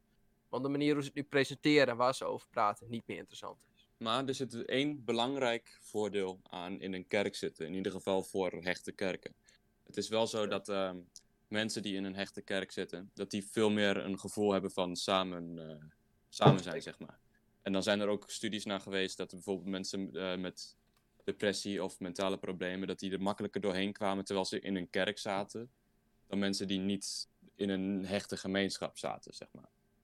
Dus dat is wel een belangrijk heel- voordeel aan. Dat is waar, maar moet het dan exact op de manier hoe Dat het is het idee van de kerk. Nee, nee, nee, maar gewoon het, het idee van het eh, samen zijn. Zeg, Ja, ja. Van het, Het- van dat is ook geen slecht idee. Het samenkomen is helemaal geen slecht idee. Alleen de manier waarop een preek Ja, nu wel, nu zo, wel, maar tijdens deze eh, corona. Maar... Dan wordt het toch een stuk lastiger. Maar mij- wat wil jij zeggen, Obatje? Ja, ik, ik wou gewoon zeggen, het hele idee van de kerk is dat je samenkomt. Maar het is ook niet conservatief om samen te komen, wat Jorrit zegt. Zou de kerk heel goed kunnen veranderen, maar het- je moet, ik vind wel dat je moet blijven bij het main idee van mensen komen bij elkaar, geloven in iets, maakt niet uit wat. En die hebben gewoon, ja, vrolijk, het is gewoon, gewoon een vrolijk stel, weet je wel. Het is gewoon gezellig, dat, dat woord zocht ik. Ja, maar gezelligheid van mensen is toch belangrijk. Ja, maar zoals wij hebben ook door de kerk ontmoet. Dat is allemaal leuk en zo. Maar als ik bijvoorbeeld met mijn ouders naar een normale dienst heen moet, dan zit ik me. Nou, dan heb ik zeker geen pret. Zal ik het maar zeggen. En dat is het Wat, iets je niet interesseert. Dan word je. Maar als we zeg maar zoiets hebben als dat Young Leaders ding, word je meer betrokken. En dan heb je ook nog, is het niet alleen maar strikt. Dan heb je ook, dat, dat is meer dat je echt dat hechte gemeenschap gevoel hebt. Klopt, eh, zeker. En dat is voor ja. oude mensen is natuurlijk is dat zingen dan weer heel belangrijk. Maar, Maar wij, wij denken daar natuurlijk heel anders over. Maar is het ook belangrijk dat de jeugd gelovig blijft? Zeg maar, gemeenschap, oké, dat, dat is belangrijk. Dus als je uit van de kerk komt of een, eh, een groep vrien- vrienden, dat maakt er niet zoveel uit. Maar is het belangrijk dat de jeugd gelooft of blijft geloven? Ik denk het wel. Anders Ik denk dat er het kerk meer. kerk van nu dat het heel belangrijk is dat we deze generatie ja, aan het geloof houden, klinkt ook weer zo twingerig. Dat Nee, maar ik, ik heb dingen in geloof. het geloof houden. Ja, maar er zijn dingen in geloof die heel mooi zijn, die iedereen eigenlijk wel gunt. En ook, het geloof is niet alleen maar regeltjes en psychiatrisch, dat soort dingen. Er zit veel meer achter. En dat zijn mooie dingen die je toch aan iemand anders wil geven, maar je hoeft het niet op te dwingen. Maar moet dat via geloof, die mooie dingen? Hoe bedoel je dat? Als je k- Zeg kijkt maar, moet, je, moet je geloven om dat soort dingen te kunnen meemaken? Zeg Op maar, die, bepaalde die dingen waar jij het over geloof, hebt. geloof brengt mooie dingen mee. Zoals een manier, je voelt toch altijd een connectie met iemand. Je voelt of je altijd beschermd bent. En dat zijn dingen die je buiten geloof om weinig gaat vinden. Plus, Ik denk- wat ik ook denk in geloof, je krijgt een heel ander wereldbeeld. Want als je niet gelooft, dan... Ik moet eerlijk zeggen, als ik niet zou geloven, zou ik meer een gigantisch duister wereldbeeld hebben. Ja. Want de wereld is gewoon fucked. Ik denk wel dat er gewoon altijd mensen blijven geloven. Misschien niet op de manier zoals het nu is, zo streng en zo. Maar er zijn toch altijd wel mensen die ergens in blijven geloven, zeg maar. Mhm. Dus ik denk niet dat het in- enorm moeilijk is om het zeg maar, in stand te houden. Maar het is vooral de vraag ook, is het belangrijk? En ik denk dat ik het daarmee Jorrit wel gelijk moet geven. Van het geloof brengt je wel een wereldbeeld dat veel, veel lichter is. Maar Nou, is, is ons weten, ja, ze je hebt in het Engels eh, dat gezegde ignorance is bliss, zeg maar. Maar is zeg maar de onwetendheid van wat er met je gaat gebeuren, is dat dan beter dan de waarheid? Zeg maar, je, het kan beter voelen. Maar Ja, zou je liever, zou je liever, ik zeg niet, ik, dit is niet een statement over of het waar is of niet, maar zou je liever een leuke leugen willen geloven? Of in de bittere waarheid willen leven en daar iets aan kunnen doen? Zeg maar een beetje net als de, de Matrix. Zoiets. Maar nu stel jij, ik weet geval- nu, nu, nu zet je de Bijbel sowieso al neer als de leugen. En dat is Nee, dat is, ik zeg net, maar aspect. zou jij liever Als je de Bijbel buiten houdt, het is, om het heel simpel te zeggen, geloof je liever wel in Sinterklaas of niet? Dan liever Want wel. Sinterklaas, het is een leugen, heel eerlijk, het is een leugen, maar het is een leuke leugen. Precies, precies. Als je Ja, maar zegt, ik geloof er niet in, Zou Je kan niet stellen of de Bijbel leugen is of niet. Want dat is, het is niet bewezen dat het goed is. Het is niet bewezen dat het, dat het onwaar is. Zeg maar. Sommige Het is niet bewezen stukken zijn wel bewezen om onwaar te zijn. Maar- het hele idee van de Bijbel en een geloof en een God is niks bewezen. Daar kan je niks over zeggen. Nee, klopt. Je kan En ook geen negatieve bewijs. Je kan niet bewijzen dat iets niet bestaat, zeg maar, op een je wetenschappelijke kan. Dat niet bewijzen dat het wel bestaat, maar ook niet bewijzen dat het niet bestaat. Dus ik vind dat het. Je kan wel zeggen van. Is het gelo- geloof in een leuke leugen of in een bittere waarheid? Maar het is eigenlijk gewoon. Geloof je in iets wat jou in donkere tijden als dit bij elkaar houdt? Of geloof je in iets dat jou in deze tijden eenzaam maakt, depressief, al het gedoe? Ja, maar geloof is best Maar dat wel- is niet per se- gelo- Nee, maar geloof is... Maakt je eh, niet per se Zelfs depressief. als je hem niet, als, want heel veel Nee. mensen geloven wel in iets. Er is bijna niemand die in niks gelooft. Als je echt in niks gelooft, dan heb je toch een bijzonder duister bestaan. En er zijn wel steeds meer mensen. Hoezo? Er is niks nadat je dood bent. Oké, maar wat is er voordat je geboren bent? Ja, maar, maar je wat houdt wat echt voor je geboren is dan ook niks. Het is van niks naar niks. Ja, ik weet niet. Ik zou daar niet in kunnen geloven, puur om de reden. Ik kan niet geloven dat leven zo nikszeggend is. Je wil niet geloven dat het dan niet Nee, maar ik kan het niet geloven. Dat is het punt. Ik kan niet geloven dat het leven zo nikszeggend is. Je Maar dan kan je je dus uit je eigen doel aan je leven stellen. Vind ik dan. Maar Rutger, het wat is boeit er mis niks. met er niet Mensen die duizend jaar geleden leefden. Wie kent er nog één iemand van duizend jaar geleden? Ja, de paar mensen die hun naam echt in de geschiedenis. De rest is allemaal vergeten. Dus dan ben je Wat gewoon je, weg. Alles van je is weg. Nou, jij zei, eh waar had ik het? Ik ben het alweer vergeten, joh. Nee, maar ik, ik zeg niet dat het Ehm, mis oh ja, is om bijvoorbeeld de wil leuke een- leugen te geloven. In plaats van de bittere waarheid. Maar ik vraag alleen wat je er liever wil. Ik zeg niet dat het mis is om het ene te geloven in plaats van het ander. Maar wat zou je liever doen? Wat zou je liever geloven? Ik zou, als ik zelf zo zou zeggen, zou ik waarschijnlijk liever in de bittere waarheid geloven. Maar dan kom je weer terug op het punt, is het leugen of waarheid? Dat kan je niet stellen, vind ik. Daar kan je ook geen discussies over houden, want dat is gewoon Nee, maar- Daar heb ik het niet over. Gewoon, zou je dat... Ik, ga, ik heb het niet over of de Bijbel dan waar is of niet. Gewoon, zou je liever in de, de bittere waarheid of de leuke, le- leuke leugen? Want ik zou eigenlijk... In principe zou ik liever willen geloven in een ding. Maar je kan niet kiezen waarin je gelooft. Dat is het hele ding. Je kan niet kiezen van, oh, nu geloof ik in God, oh, nu niet meer. Technisch gezien Dus Maar jij zei net, Nee, je wil- kan niet je kiezen het- of je erin Je gelooft. kiest voor een geloof. Nee, je kiest zeker niet voor een geloof, Jorrit. dat is zeker wel waar. Dat is dat niet is waar. Ik kan niet kiezen om nu christelijk te worden. Ik kan Nee, kiezen maar om je mee maakt- te bidden of zo, Je- maar ik kan niet kiezen om Tuurlijk, te nee, worden. maar als je een keuze maakt, sta je ergens achter. Dus als je de keuze maakt om christelijk te worden, maak je de keuze om christelijk te worden. Nee, je maakt niet die keuze, dat is het hele ding. Oké, als het een keuze is, word nu, word nu een atheïst, Jorrit. Word nu een atheïst. Ja, maar het is niet een keuze die ik zelf steun. Dus dan kan ik die keuze niet maken. Ik kan niet iets voor, niet Je voor kan iets de keuze niet maken, dat is het ding. Je Tot kan de keuze niet maken. Maar laat zien en dan kan ik wel de keuze maken. Dat is wat ik zeg. Ik denk Je niet maakt dat alleen de je- keuze als je jezelf steunt. Ik denk niet dat het een keuze is, meer dat het, dat het zeg maar een gevoel is. Ja, dat je gewoon hebt, zeg maar. Het is niet alsof ik, oh, ik kies voor mezelf om deze godsdienst te hebben, maar ik geloof er niet in, zeg maar. Dat is toch, een keuze kan iets anders zijn dan iets waar je echt in gelooft, zeg maar. Ja, je kan doen met het bewijs wat je wilt doen, Het is gewoon, maar het is, het is geen keuze, zeg maar. Je kan zelf denken van, oké, ik wil dit bewijs bijvoorbeeld niet accepteren of dit wel, zeg maar. Maar dan maak je de keuze niet om erin te geloven of niet. Dan maak je alleen de keuze over wat je ziet, zeg maar van, oké, geloof ik dit, denk- of nou niet geloof ik dit, dat is niet de keuze natuurlijk. Maar neem ik dit aan als waarheid, zeg maar. Van wat Maar, denk ik kijk, hierover? Jij zegt, ik kan er niet voor kiezen. Maar het is eigenlijk gewoon, als jij ergens in gelooft, en dan haal ik Lotte erbij. Als jij een gevoel hebt van, dit is waar, hier sta ik achter. Dan kan je de keuze maken, ik neem het aan. Jij staat op het moment niet achter het christendom. En jouw gevoel zegt ook niet, ik geloof er niet in. En daarom kan je die keuze niet maken. heeft niks te maken met of je die keuze niet of wel kan maken. Het ligt er Nee, puur want je aan. kan of- die keuze niet maken. Jij je kan de keuze je kan de Je kan de keuze maken met wat je ermee doet. Jorrit, maar als Nee, jij die keuze niet... Jij, zegt net, ik kan de keuze niet maken om eh, atheïst te worden, omdat ik daar niet achter sta. Nou, maar dat is Ja. het punt. Maar je kunt wel een keuze kan die maken. keuze je kunt wel niet achter staan. Nee, maar je kunt Nee, je wel... kan niet kiezen om een atheïst te worden. Het is geen Ja, keuze. maar op, een gegeven moment, wanneer- op een gegeven moment, ik ben nu christelijk. Stel je voor, ik zeg, nou, over tien jaar ben ik in één keer atheïst. Ergens daartussen heeft iets gezeten en dat is die keuze. Dat is die keuze van christen dat is niet de keuze. Maar je kan Het niet is het in wat jij zegt, keuze. waar ik het eens ben met jou.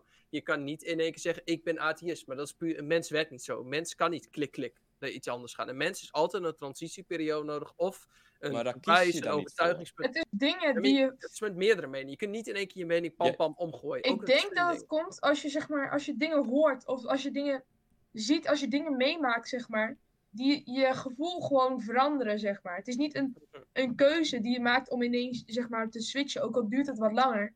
Het is niet een, het is zeg maar een, iets wat er gebeurt, waardoor je dat verandert, zeg Je maar. kunt, ook, je kunt het ook veel simpeler maken. Pak je favoriete kleur. Mijn favoriete kleur is bijvoorbeeld nou blauw. Iemand die laat mij een paar dingen in het groen zien en denkt van wauw, dat is wel vet. En dat is het punt waar je switcht. En dat is een beetje het voorbeeld wat ik bedoel met... Maar dat is niet een keuze. Dan denk je van, oh, ik, dit is, vind ik eigenlijk toch mooier. Ja, maar je kunt nooit een keuze maken op die manier. Er zit altijd een periode... Je kunt niet je Dus je- mening dat- tik tik veranderen. zegt- Dat is Het gewoon iets totaal anders dan een het keuze. jij zegt, het hele je kan statement- keuze maken met extra stappen. Is precies, jij zegt nu eigenlijk gewoon, je kan geen keuze maken, maar er gebeuren meerdere dingen waardoor je de keuze Je wel kan maakt. Maar je kan geen Een keuze, keuze maken, maar niet in één keer een keuze van tik tik. Niet dat jij zegt van nu in één keer atheïst wordt. Dat is niet hoe het werkt. Er is een punt waar je een keuze maakt, maar daartussen is een lange periode. Nee, het is, het is wat je, het is Geen wat je keuze doet. maken of Het is geen keuze. Je kan Mogen, toch geen, wacht, ook kunnen we hier andere mensen bij in doen, anders is het alleen maar... eh, Ja, mag ik een hier. vraag stellen? Wat is überhaupt de stelling? Want ik denk dat we heel erg van de stelling afgaan. Ja, jullie zitten heel agressief Ja, op elkaar precies. in te gaan. En ik ben kwijt, ik ben weg. Jezus zat te kijken en ik denk, wacht even, wat is de stelling ook weer? Dus, Oké. wat Stelling is de had- stelling? Of de kerk, of, of je de kerk moest veranderen of niet. Ja, en toen gingen we over naar keuzes. Nee, maar Rutger komt een Jeetje. stelling en ik ben niet eens met de stelling werkt niet. En dat is mijn punt. De Maar stelling is, werkt niet en daarom kan ik de vraag niet goed beantwoorden. Hoezo werkt Maar de stelling niet? Het is, moet de kerk veranderen. Wat ik zeg. Maar die klopt, die wel, maar niet die stelling van kun je in één keer de keuze switchen, want dat is niet hoe keuzes werken. Nee, Nou, dan laten we die even vallen. Laten we die Ja, wegvallen. jongen, ik wil best reageren op de stelling, maar... eh, Want dit is heel, dit gaat diep. Deze gaat heel diep. Er zaten wel goede punten in, maar het is gewoon de manier. Ik kan de stelling hem zegt, kan ik hem niet beantwoorden omdat ik niet met de stelling eens ben. Laat ik het zo zeggen. Maar laten we naar, eh teruggaan naar de eerste stelling en dat was. De niet. moet de kerk moet de kerk veranderen en Oh ja. hoe? Zeg maar, op welke manier? Sanne, ga je gang. Ehm Rick, gang. Huh? Oh ja, ehm, hoe gaan we veranderen? Eh, nummer 1. we gaan de jeugd zoals Sanne meer betrekken. Eh, nee, ehm, nee. Gewoon. Het is ook een heel groot ding met cultuur. Want op dit moment, heel veel, als, als je christelijke ouders hebt, dan ga je ook mee naar de kerk. Daar is op zich geen probleem mee. Maar sommige ouders die laten dat ook niet los. Want die willen heel graag dat je christelijk wordt. En van hun standpunt, dat is niet slecht. Want hun willen gewoon dat je dezelfde blijheid die zij voelen ook voelt. Maar op dat punt, soms wil je er gewoon ook echt niet meer. Dan wil je er niks mee te maken hebben. Maar dan moet het wel gewoon. En dan gaat het zeker beter. Ik denk dat we als kerk moeten veranderen van dwing mensen om naar de kerk te gaan. Want je kan, ook, je kan heel boos worden dat het, dat het, het is niet dwingen. We bedoelen het niet als dwingen. Het is in principe gewoon dwingen. Want je zegt gewoon tegen je kinderen, je gaat mee naar de kerk. En op jonge leeftijd is dat logisch. Maar het is niet zeg maar uit het standpunt van ik ga mijn kinderen dwingen om hierheen te gaan. Dat is niet. Mm, Nee, dat is niet, maar dat is niet het doel, het maar dat is een af en side toe wel wat er gebeurt. Je wil de kinderen wil je Ja. gewoon iets laten Maar je wilt, ze, je wilt ze wel de Ja. kans geven. En als je de kans niet geeft, weet je dat ze sowieso niet, niks met geloof gaan hebben, want ze hebben nog een kans gehad. Dat, dat is ook wel nodig. Kijk, Het is best logisch dat je je kinderen, ik zeg maar wel, tot je twaalf naar de kerk laat gaan. Maar op een gegeven moment wordt je kind gaat ook zelf nadenken. En je kind gaat ook zelf keuzes maken. En ik vind dat ehm, gedwongen naar de kerk of niet, als die kind de keuze maakt om niet te geloven, moet je dat accepteren. Je mag hem proberen over te halen, maar je gaat- moet hem niet dwingen zo van, oké, je gelooft niet, nou je gaat toch mee naar de kerk. En dat doe je dan maandenlang in de hoop dat het uiteindelijk wel weer over zou gaan. Dat, zo werkt dat niet. Ja, dat, dat is inderdaad niet, niet hoe het werkt. Dat is wel het keuzemoment. Maar dat hebben we ook gezien. Want Dat is, ja, maar dat is dus niet de keuze. Je kan niet, je kan niet denken, oh mijn ouders Hier willen gaan we niet ik op. de gaan we het niet meer Stop. over hebben. Nee, nee.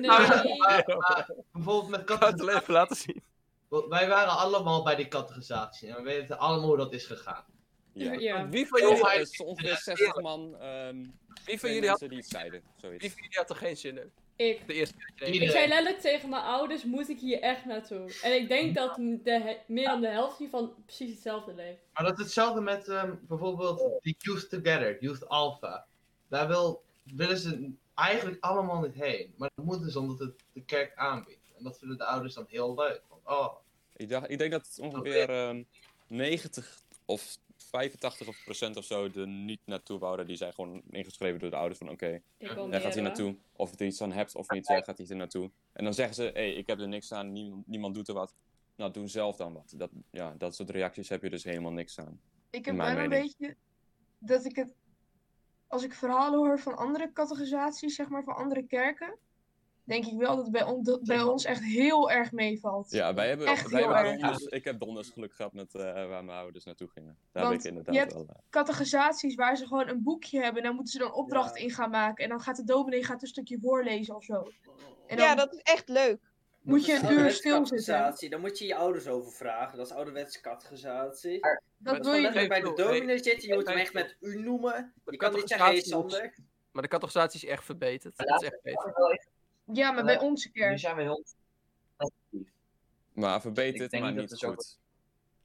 Kijk, Daniel, die kijk- deed donders best natuurlijk. Maar als, als niemand er wil zijn, dan, dan is er ook gewoon niks wat je er echt kan doen. nee, maar zelfs dat Young Leaders, daar heeft, echt, hij, daar heeft hij me echt voor moeten overhalen. Ja, ik was de enige, ik was de enige die daar direct de hand Ja, want. Rutger heeft De me daar ook enige. een soort van... Omdat Rutger ook ging, was ik ook meer van ja. Maar uiteindelijk was het wel, was het wel leuk. En, En toen kregen we ook een keer gratis dunner en zo. Ja. Nee, maar Toen ik was het waar Waarom?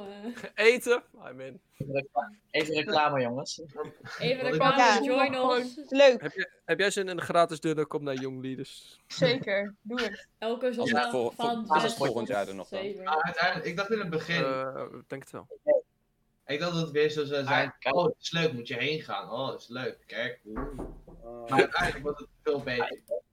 Ook zo wanneer ouders zeggen, ja, moet je heen gaan, want het is voor de jeugd. Ja, Ja, weet je, ik ben in ieder geval blij dat Jorrit, Obadja en ik het nu een keer ergens over eens zijn en zo. Dus dat, eh, dat is op Yes! zich, dat is op zich fijn. Ja, kijk, ik wou nog even, mijn, zeg maar, even zeggen, want we zijn nu wel allemaal heel negatief over de kerk en over dat we allemaal mensen dwingen en zo. En ik ben het ook helemaal mee eens, want ik zei het net zelf. Maar ik denk niet dat we de kerk kunnen veranderen door tegen ouders te zeggen, je moet niet je kind dwingen. Want Geen enkele ouder kan dat in één keer overschakelen en geen enkele ouder gaat dat in één keer doen. Ik Ja. wil wel een goede voorbeeld geven. eh, De jongeren in meer interessant maken in bijvoorbeeld de Leaders. Omdat het gewoon heel anders georganiseerd is. Dat is inderdaad mijn, ik denk dat je het imago van de kerk moet veranderen. Ja, Want pak, pak het probleem aan. Ja, Ja, dat is, ja. zeg maar, het punt is gewoon, mensen zien de kerk als saai, regeltjes, je doet er niks, je zingt er een beetje, that's it. Je leert er niks, je gaat er, je verspilt je tijd, zeg maar. Ik denk dat wij als, als wij als kerk willen veranderen en mensen echt, ehm, echt bij de kerk willen laten zitten, en dan heb ik het nu vooral over jongeren, en niet gedwongen, moet jij als kerk open, meer open gaan staan naar, naar mensen toe, dat ik zeg maar wat homo's. Je moet als kerk je moet ze gewoon accepteren wie je bent. En of je nou gelooft of niet, je moet als kerk gewoon mensen aannemen zoals ze zijn. Niet Ja. gaan dwingen. Maar dat is genoeg onder, eh, dit, over dit onderwerp, over dit gedeelte. Wat je wat. Ehm, eh, nee, wat, je was, eh, er moet een algemene vaccinatieplicht zijn. Er zijn natuurlijk uitzonderingen voor. Ongeacht het geloof van de tegenstander of de ouder, zeg maar. Ja, nee. Heb ik iets gemist over geloof en vaccinatie? Ik denk dat het ehm, Ja, denk ik. wel voor kinderen verplicht Ik moet hoor. zijn. Ja, kijk, Want- je hebt, net, ja, je hebt mensen die kunnen niet tegen vaccinatie, zeg maar. Dat soort mensen zijn er natuurlijk. Ja. Maar dat is precies de reden waarom de rest gevaccineerd moet worden. Want als de rest niet gevaccineerd is omdat een of andere moeder eerder in, eh, in kristallen gelooft dan in de vaccinaties, dan kan dat kind Ja, ziek worden en het, en het zwakke kind je, je, dus je, kunt aansteken. dit, je kunt dit naar een gelovig standpunt halen, maar ook naar een ander standpunt maken. Maar stel je voor je verplicht vaccinatie, wat op papier een heel goed idee lijkt. Dan geef je de regering het recht om jou te laten vaccineren of je dat wilt, ja of nee. En dat is een punt dat ik denk van ja, dat is daadwerkelijk een gevaarlijk punt. Maar de meeste mensen met common sense hebben zoiets van oké, het is slecht tegen die ziektes, tuurlijk neem ik die prik. Maar moet je het verplicht maken, ook tegen mensen bijvoorbeeld met geloofsovertuiging die dat niet willen. Dat betekent dat je dus al de overheid het recht geeft om bepaalde vaccins te moeten geven, maakt niet uit wat. En dat is een punt waar het vanuit een Ik denk dat het kan inderdaad gevaarlijk worden, maar anders dan heb je dus kinderen die zonder eigenlijk een goede reden sterven. Ja, maar omdat wat- moeder wat- wat is een denkt van het bidden er kinderen. kinderen vind ik wel eigenlijk. Want kinderen die hebben daar nog geen eigen mening over. En straks denken ze later gewoon van ja, ik geloof eigenlijk nergens in. En ik wil gewoon gevaccineerd zijn. En dan is het gewoon al te laat, zeg maar. Weet je, het zo zeggen. Vaccinatie. Ouders, ouders moeten de keuze maken voor kinderen, om het zo te zeggen. Ouders moeten hun kinderen beschermen. Kinderen Ik vind dat, er, dat de informatie, dat, dat mensen er beter over eh, geleerd moeten zijn. Zeg maar. Je hebt natuurlijk mensen van, eh, die zeggen van vaccinaties krijg je autisme van. Maar dan heb je men, ook mensen die bijvoorbeeld niet echt veel over vaccinaties weten. Die denken van ja, nee, het, doet helemaal niks. Want er zijn wel mogelijke bijwerkingen. Maar mag, ik- mag ik die van autisme, mag ik die heel even ontkrachten? In twee minuutjes. Er zijn mensen die dat zeggen. Ja, klopt. Er is namelijk ooit één naar onderzoek Facebook. geweest. Nee, luister, ik ga hem je uitleggen waar dit Oh, vandaan nee. komt. Er is ooit één onderzoek geweest waaruit bleek dat ehm, eh, uit vaccinatie autisme kwam. Geen enkel ander onderzoek. Dit onderzoek is in 2015 of 16 al gerectificeerd. En de carrière van de persoon die dit heeft gemaakt is door dat hele onderzoek compleet kapot gegaan. Dus met andere de woorden, het is niet waar. Is voor de, is voor de luisteraars. Ex Die wil ik graag even ontkrachten. Dankjewel. Heel erg ligt aan ehm, welke vaccinatie het is. Als het bijvoorbeeld voor het coronavirus vind ik eigenlijk wel heel belangrijk. Want het is wel heel erg besmettelijk, zeg maar. Dan gaan er toch best wel wat mensen dood aan. Ja, de Ja, wereld staat er Maar op zijn kun kop. je, de- wereld, het, het voornamelijk, de meeste mensen staan er wel voor open. Maar kun je dit soort dingen verplichten? Want er zijn inderdaad ook mensen die toch twijfels hebben van het is een snel gemaakt vaccin.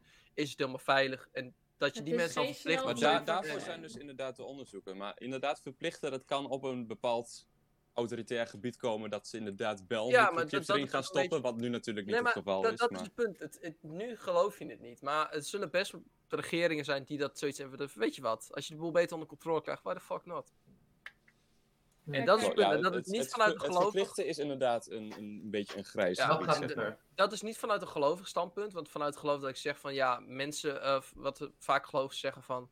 Eh, God kiest wanneer mijn kind doodgaat. Maar ja, God geeft je ook de middelen om langer te leven, ziekenhuizen. Dus geef, gebruik dan ook die middelen als vaccins. Daar ben ik wel voor dat mensen eh, die hun kinderen niet laten vaccineren vanwege geloof of overtuiging. Daar ben ik. Omdat snap ik best dat je tegen die mensen zegt: doe het wel. Omdat het zo overtuigd is dat eh, mensen ook gaan bidden in plaats van naar het ziekenhuis. Ja, Omdat dat zijn dingen- helemaal in geloven. Het helpt, maar God heeft ons een hele hoop middelen gegeven. Ja, precies. En die middelen moet je ook gebruiken, anders waren ze er niet. Want het is het ook niet waard om die mensen helemaal belachelijk te maken. Want dat is wat ze Nee, je, moet, je, moet ze, je moet ze educeren, laat ik zo zeggen. Je moet, ze, Ja. je moet, ze, je moet ze aanleren hoe het, hoe het zit, zeg maar. Precies. Nou, Want dat- als je dat zegt van, ah, jij, van- gelooft, jij gelooft dat vaccinaties Dat vind ik autisme wel geven, extreem. dan, dan gaan ze alleen maar denken van, eh Het hey, gaat ik mag jou niet, ik ga mijn mening alleen maar harder pushen. Ja, maar dat Nee. zie je heel veel. Het moment dat je iemand in de grond intrapt, natuurlijk gaat hij terugbijten. Die gaat echt niet in één keer zijn mening omdraaien. Maar er zijn inderdaad wel meningen, zeg maar, vooral als ze al heel lang, eh, zeg maar, debunked zijn, laat ik zo zeggen. Ze, dan vind ik op dat er een bepaald punt is waar je ze eigenlijk wel belachelijk kan maken. Als ze, Ja, als ze, zoveel, is- als ze zoveel tegenbewijs krijgen en ze zeggen nee, nee. Ja, nee. maar er zijn ook heel veel bewijzen voor. En of ze nou allemaal even goed zijn, is een tweede. Maar er zijn Bewijzen voor wat, precies? Ehm, weet je, er zijn een hele hoop mensen die... De bewijzen, ze kloppen niet. Dat zegt wel bij. Maar een hele bewijzen waar vaccinaties slecht voor zouden zijn. En er Ja. zijn kleine stukjes waarheid die ze pakken. Bijvoorbeeld een vaccin kun je, kan je eh, bij, klachten geven, bijwerking geven. En er zijn best wel heftige bijwerkingen. En er zijn mensen die door een vaccin een hele heftige bijwerking kunnen krijgen. De kans is heel klein, maar dat kan wel. is dus, voor En die dat mensen wel- moet gevaccineerd is- worden. Niet Ja, maar die mensen zelf, maar voor die mensen moet de rest informatie, worden. informatie wordt gegeven aan mensen. Is best wel verdraaid, ook door programma's als Facebook, Instagram. Zondag met Lubbe had daar een heel goed item over. Ja, voor, vooral door social media. Ja. Ja, want je krijgt te zien wat jij interessant vindt. En niet wat het- het beste is om te zien. Maar dat is meer, dat is niet echt met geloof, dat is meer buitenom. Maar om mensen de grond in te stappen. Ik vind ook dat er een verschil is tussen lokale anti-vaxmoeders. Die allemaal van die domme fucking resources delen op Facebook. Dan bijvoorbeeld een familie die met hun hele hart gelooft dat het gaat werken. Er zit heel, veel, heel groot verschil tussen. Dat is niet hetzelfde ding. Maar Nee, maar toch in allebei gevallen zou je het wel adviseren om het wel te doen. ja, precies. Maar het zit een verschil tussen ook hoe Maar zij stel je voor, la- laten we deze situatie. eh, zou een, organi of een zorgorganisatie in staat mogen zijn, stel voor jouw kind is doodziek en je wil hem niet naar het ziekenhuis brengen vanwege dat je gelooft in het bidden en dat God zijn keus maakt. Mag je dat kind dan verplicht uit huis halen om Ja, medische zorg te geven? Zeker ja, want zij laten Dat- dat kind doodgaan. Ze, misschien denken ze niet dat hij doodgaat, maar het kind gaat dood zonder hun. Zij hebben dus niet de, de, de mentale kracht om dat kind te kunnen beschermen. Niet de mentale kant, dat zou ik niet zeggen. Maar Je kunt ze zeggen dat ze incompetent wordt zijn. eigen... Ja, een soort van. Maar Ja, dus niet de mentale kracht hebben.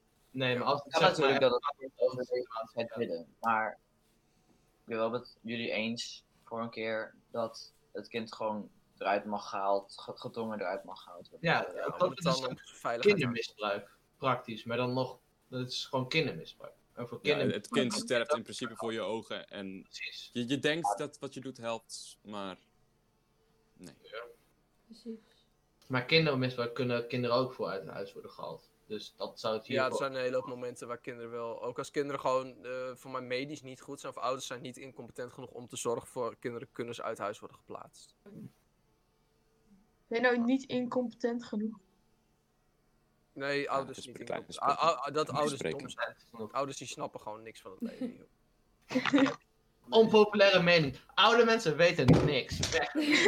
Niet helemaal mee eens, maar er zit een Maar ik vind dat dat soort meningen belangrijk zijn van vaccinaties eh, moeten, eh, of vaccinaties eh, zorgen voor autisme. Puur zodat ze de, de, de, de meningen zeg maar omgelegd kunnen worden. Dan, dan, eh, dan wordt er onderzoek naar gedaan. Oh kijk, het doet het niet. Dan zijn er een, groot aantal mensen gerustgesteld, zeg maar. Mhm. Mag ik mijn mening Dat hier ook over geven? Ja. Tuurlijk. Ja, ja, Ja, je, mag, je ja, mag gewoon oké. inspringen. Maar. Ehm, Gewoon inspringen. Ja, het ging een beetje lastig met jullie, maar wat ik hierover wil zeggen is...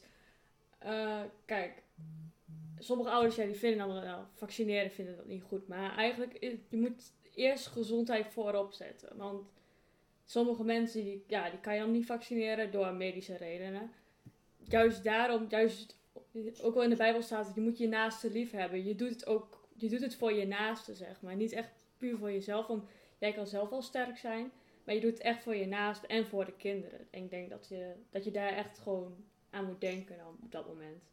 Dus echt gewoon Ik vind- gezondheid ik- voorop zetten. En ja. daarna, ja. Heeft iemand anders er nog wat op te zeggen? Anders dan denk ik dat dit wel een eh, mooi einde is. Van Mirten. Mirten, Heb je laatste niet, vaccineer je kinderen. Eh, het is geen keus. Oké. Het is geen Als ik- keus. Ja. Luister naar de overheid. De overheid weet altijd het beste volksbewind. Lang leven Luister naar Hugo de Jonge. Luister naar Hugo de Slaap Jonge. lekker. Hij leidt je. Oké, nou, voor alle mensen die hebben geluisterd naar de podcast, dankjewel voor het luisteren. Eh, ik hoop dat jullie allemaal hebben genoten. Als jullie nog vragen hebben of bepaalde meningen hebben, kun je dat altijd in de comments waar je dit luistert eh, zetten. Of je kunt eh, ons opzoeken op dailychurch.nl. Eh, verder eh, zijn wij vanuit onze kerkgroep ook kerkdienst aan het maken met deze groep mensen die hier zijn. En ik weet niet precies wie er de volgende is. Kan even jullie me daarmee helpen? Ik- begin april. Begin april. Hou het kerkboekje in de gaten. Begin april. Eh, kom langs en dan gaan wij onze manier een iets andere vorm van een kerkdienst laten zien. En nogmaals bedankt iedereen voor het luisteren. En tot de volgende keer. Doei! yo. Tjus.